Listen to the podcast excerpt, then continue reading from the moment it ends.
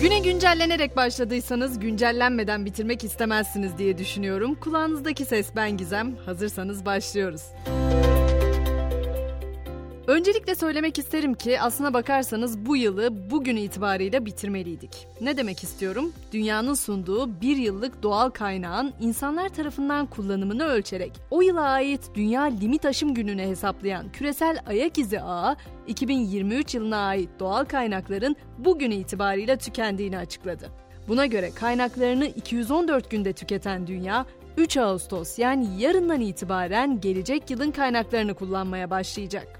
Ama biz naif kalplerimizde plastik poşet kullanımını azaltarak dünyamızı kurtarabileceğimize hala inanıyoruz biliyorsunuz. Bugün plastik poşet ücretlerinin 25 kuruştan 38,5 kuruşa yükseldiği yönündeki haberler bir yüreğimizi hoplattı o yüzden.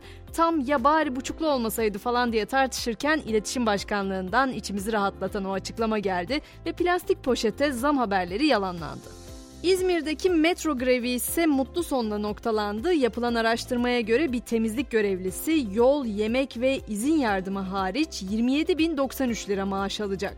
Para pul meselelerini konuşurken gün sonunda piyasaları da turlamayı ihmal etmiyoruz biliyorsunuz. Dolar 26.97, Euro 29.48 liradan el değiştiriyor. Gram altın 1679, çeyrek altın 2746 liradan satılıyor. Bir de Şile sahilinde bulunan top mermileri vardı hatırlarsanız. Onlar da fünye ile patlatıldı. Mayınların kontrollü şekilde imhası sırasında yaşanan patlamanın etkisiyle deniz suları yaklaşık 30 metreye kadar yükseldi. Gelelim Atatürk dizisini platformunda yayınlamaktan vazgeçtiği iddia edilen Disney Plus'a. Platformun Türkiye'deki yetkilisinden bugün bir açıklama geldi. Global içerik olduğu için ülkelerden alınan geri bildirimler önemli diyen yetkili, tepkilerin incelendiğini, kendilerinin de Disney'e raporlama yaptıklarını belirtti. Yetkili, Disney Türkiye'den çekilecek iddialarının ise gerçeği yansıtmadığını söyledi. Şimdi sizi biraz geçmişe götüreceğim ama yine yapay zekadan söz edeceğiz. Sosyal medyada yapılan bir paylaşımda Türkiye'de matematiğin simgesi olarak anılan Ordinarius Profesör Doktor Cahit Arf'ın 1958'de yapay zeka konulu bir konferans verdiği iddia edildi. Bu iddia aslında geçmiş yıllarda da zaman zaman gündeme gelmişti. Sonunda Arf'ın 1959'da verdiği Makine düşünebilir mi ve nasıl düşünebilir başlıklı konferansın içerik metnine ulaşıldı. Buna göre ARF 1959'da Atatürk Üniversitesi'nde düşünen makineler üzerine verdiği konferansla yapay zekaya yönelik erken sayılabilecek bir tarihte önemli bir tartışma yürütmüş. İşte daha o yıllarda söz edilen yapay zeka bugünse pek çok konuda eleştiriliyor olsa da özellikle sağlık alanında yepyeni buluşları beraberinde getiriyor. Bence günün en önemli haberidir. Çünkü devrim yaratabilir. Yapay zeka destekli beyin implantı takılan bir kişi göğsünden aşağısını yeniden hissetmeye başladı. Elbette bu haber felçli hastalar için umut anlamına geliyor. Fakat yapay zeka konusunda beyler aman dikkat demek durumundayım çünkü yapay zekalı influencerlar erkekleri kandırıyor. Mila Sofia adıyla bilinen 19 yaşındaki çekici bir kadının aslında yapay zeka ürünü olduğunun ortaya çıkması geçtiğimiz hafta büyük ses getirdi.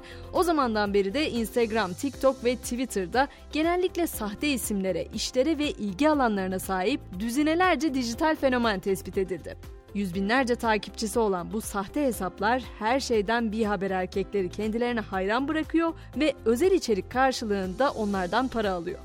Biraz da gerçeklere dönelim. Yunanistan Başbakanı Mitsotakis'in açıklaması bugün öne çıktı. Mitsotakis, Rodos'taki orman yangınları nedeniyle tatili yarıda kesilen turistlere bir hafta ücretsiz tatil sözü verdi. Turistlere gelecek ilkbahar veya sonbaharda bir hafta ücretsiz tatil imkanı sunulacak. Son durağımızda yine uzay olacak. James Webb Uzay Teleskobu bu kez derin uzayda gizlenen galaktik bir soru işaretini yakaladı. Peki ama kozmosun bize yolladığı bu soru işareti ne olabilir? Çok büyük olasılıkla bu cisim bir etkileşimde bulunmakta olan ve bu sırada bize soru işaretini hatırlatan bir şekil kazanan uzak bir galaksiden ibaret.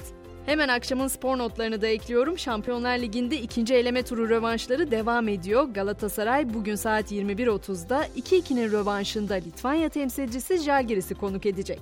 File'de ise Voleybol Milletler Ligi'nin şampiyonu A Milli Kadın Voleybol takımımız bugün Polonya ile hazırlık maçı oynayacak. Bu mücadelenin başlama saati de 18.30 olacak. Biz de bir güncelleni daha burada noktalayacağız. Akşamın mottosu T.S. Eliot'tan. Şöyle diyor. Negatif insanlara maruz kalmak, radyasyona maruz kalmak gibidir. kısa süreli düşük dozlara dayanabilirsiniz. Ancak uzun süreli maruz kalmak sizi öldürür. Yolunuzun hep pozitif insanlarla kesişmesi dileğiyle yarın sabah yeniden görüşünceye kadar şimdilik hoşçakalın.